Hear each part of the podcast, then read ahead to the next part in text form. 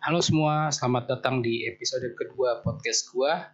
Nah, sebelum kita mulai, gue mau ngasih ucapan terima kasih buat feedback-feedback yang kalian udah kasih ke gue tentang podcast ini. Soalnya feedback kalian itu nanti bakalan jadi pertimbangan buat gimana podcast ini ke depannya nanti. Baik itu dari tema, pembahasan, dan lain-lainnya. Feedback pertama yang mau gue bahas itu feedback tentang kualitas suara ya. Jadi gue akan berusaha pelan-pelan buat ningkatin kualitas suara podcastnya. Jadi progresif gitu nggak langsung sekaligus uh, karena apa ya karena satu gue belum punya alat buat recording yang mumpuni kali ya uh, jadi juga karena kalau suaranya lebih jelas kan juga nanti yang dibahas pun jadi lebih jelas juga. Terusnya um, feedback tentang nama podcast. Nama podcast itu karena gini ya sebenarnya bikin podcast ini kan spontan gitu. Karena gue sehabis kerja selesai kerja habis gue bingung mau ngapain lagi dan gue bikin podcast ini. Dan sebenarnya juga kayaknya namanya nggak bakalan gue ganti karena kontennya itu subjektif dari gue berdasarkan apa ya dari informasi. Saya gue baca sesuatu gitu wah ini menarik nih kayaknya dibawa di podcast. Dari situ gue bakalan mungkin terinspirasi buat masuk naikin temanya di podcast gue kayak gitu. Yaudah yuk langsung aja kita mulai podcastnya. Nah di podcast kedua ini kita bakalan bahas tentang uh, yang namanya idealisme dan mimpi. Nah, arti dari idealisme sendiri ini gue lihat-lihat di internet, sebenarnya secara garis besarnya itu mungkin bisa dibilang ide yang ada dalam diri seseorang.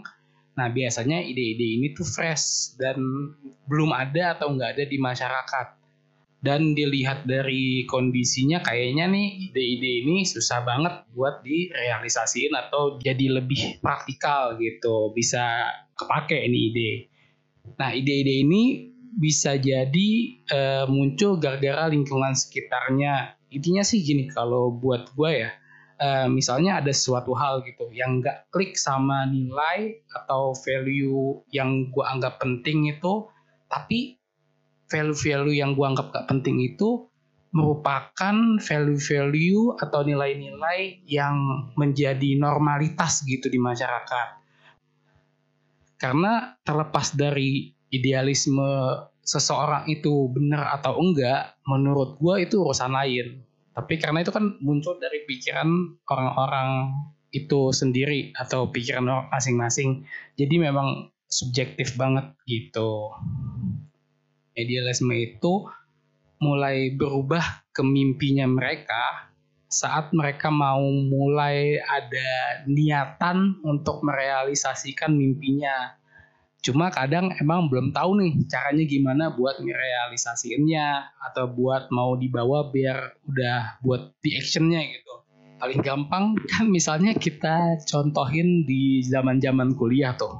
Kita atau uh, teman-teman di sekitar kita tuh ada yang idealisme banget gitu apa-apa pokoknya itu harusnya jangan kayak gini harusnya begini harusnya begitu gitu kan nah tapi nanti ke depannya tuh uh, setelah uh, keluar dari lingkungan perkuliahan di uh, hadapin sama kenyataan. Jadi lu harus sudah mulai kerja harus udah mulai uh, dapetin income atau pendapatan harus udah mulai ngerasain gimana itu susahnya dapat pekerjaan yang akhirnya nanti ujung-ujungnya lama-lama idealismenya itu uh, apa ya luntur gitu. Nah, kenapa idealismenya itu bisa bisa luntur? Ya sebenarnya simpel aja sih karena emang jadi idenya itu masih terlalu apa ya masih terlalu abstrak sampai susah buat dijalanin ditambah dihajar sama realitas-realitas dan tanggung jawab yang harus dipenuhin orang tersebut jadi buat teman-teman yang masih mau nyoba mimpinya aku punya tips nih buat gimana caranya uh, mimpi lo itu ada kemungkinan buat realisasi uh, dari sumber-sumber yang gue baca ada dua hal penting nih. Pertama itu waktu dan yang kedua itu ketekunan atau kegigihan. Pertama kenapa waktu? Misalnya gini misalnya lu tuh kerja terusnya taruh uh, lu pengen punya uh, usaha lah atau apa gitu. Sekarang kan karena uh, jiwa berwira usaha tuh lagi cool coolnya kan lagi keren kerennya jadi misalnya lu pengen punya usaha nih terusnya lu kerja dari jam 8 sampai jam 5 misalnya terusnya pulang.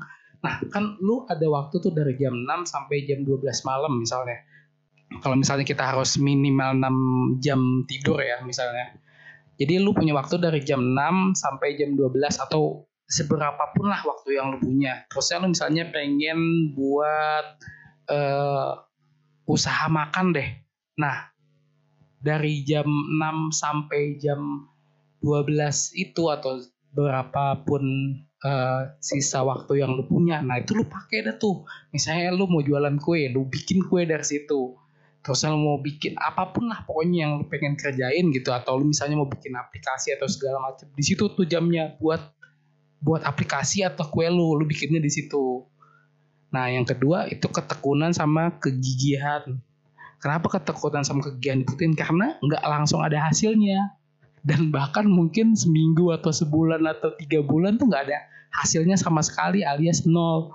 Nanti bulan ketiga atau bulan keempat atau nggak tahu kapan nanti tuh mulai gitu. Karena intinya emang satu kalau misalnya itu emang mimpi kita bukan apa ya bukan uang sih emang tujuannya. Karena kalau lu ngelakuin sesuatu awalnya itu uang yakin deh nggak bakalan bertahan lama.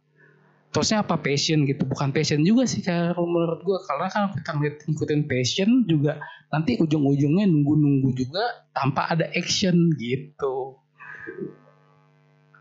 Jadi menurut gue juga uh, idealisme itu um, positif iya ada tapi ada juga sisi nggak positifnya gitu. Kadang-kadang uh, orang yang punya idealisme itu uh, terlalu fokus sama idealismenya tapi nggak nggak mikirin hal-hal atau faktor-faktor lainnya. Terutama kalau idenya itu atau mimpinya itu masih dalam fase masih belum ada aksi gitu, belum dijalanin, baru sekedar niatan aja. Karena menurut gua seidealisme apa pun seseorang itu, nah orang itu juga harus ngeliat realitas yang adanya dulu. Jangan uh, jadi soalnya kalau misalnya orang idealisme tapi nggak ngeliat realitas itu kan jadi delusional gitu jadi kayak mimpi aja gitu. Kan karena emang belum satu karena emang belum ada langkah konkret atau aktivitas konkret yang dia jalanin buat merealisasi idenya. Kedua emang ada uh, realitas yang harus ditantang gitu buat uh, kalau idenya itu bisa terlaksana Nah, kan tadi gue udah bacot banyak banget tuh tentang nilai-nilai dan segala macam yang dianggap penting sama orang yang memiliki yang memiliki idealisme atau dan mimpi-mimpinya yang mereka pengen wujudin. Itu sebenarnya tuh gue dapat juga dari uh, internet juga. Coba deh lu Google namanya Dr. John DeMartini. John DeMartini Nah setelah lu Google lu kan jadi bakalan tahu tuh kira-kira nih orang latar belakangnya apa. Nah menurut dia itu 1 sampai 2 persen orang-orang atau yang punya prestasi tinggi itu yang dia kerjain itu selalu sejalan sama nilai yang dianggapnya penting. Jadi kalau apa yang kita lakuin gak sejalan sama nilai atau hal yang kita anggap penting, kita bakalan susah mulainya. Buat dapetin momentumnya juga susah, sama buat disiplinnya. Jadi misalnya kayak awal-awal doang tiba-tiba nanti putus gitu di jalan. Terusnya orang yang punya tujuannya juga udah jelas dan sadar apa yang dia pengen kerjain. Soalnya kalau misalnya tujuannya juga jelas ini orang nih bakalan kerjanya tuh efektif banget gitu. Kayak tahan banting lebih terorganisir dan gak bakalan nyerah. Karena mungkin ya dia enjoy gitu ngejalaninnya. Coba lagi riset lagi ganti yang salah enjoy aja gitu sama proses buat ngejalaninnya kalau menurut gue sih apa yang diomongin ada benernya juga deh cok. Karena gini uh, pernah nggak lu denger apa uh, montir yang apa uh, tukang bengkel gitu lulusan SD tapi dia bikin pesawat gitu. Pesawatnya tuh benar-benar dari barang bekas dan segala macam coba deh lu Google di dengan keyword uh, uh, bikin pesawat lulusan SD pasti di situ muncul banyak beritanya. Kenapa um, value itu atau nilai-nilai itu jadi modal dasar? Nah selain value-value-nya juga harus realistis dan jelas uh, contoh gampangnya gini deh. Misalnya eh, ibu-ibu gitu ibu-ibu dengan ibu-ibu muda gitu punya anak bayi terus dia pergi ke pusat perbelanjaan pasti dia tuh mikirnya atau fokusnya tuh hal-hal yang tentang bayinya gitu. Karena satu dia kan lagi seneng gitu. Punya bayi dan kedua emang bayinya ini nih hal yang terpenting gitu buat ibu itu pada saat itu.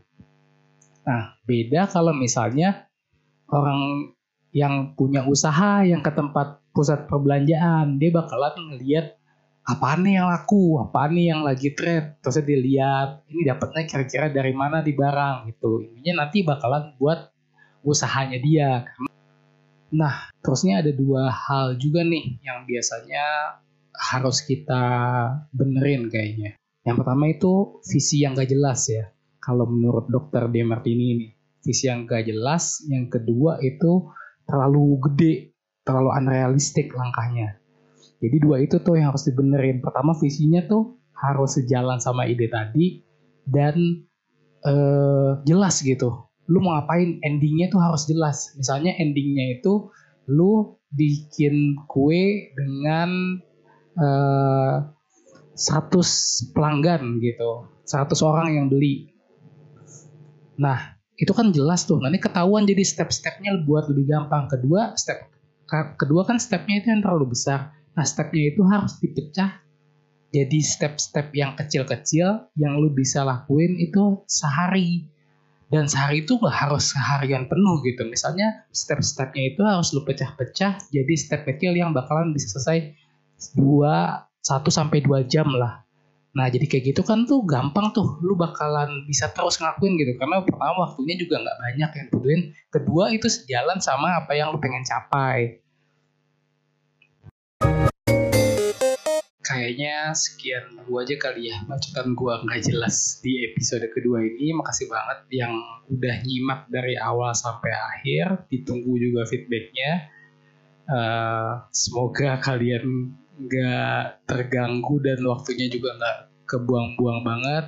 Uh, makasih, sampai jumpa di episode selanjutnya.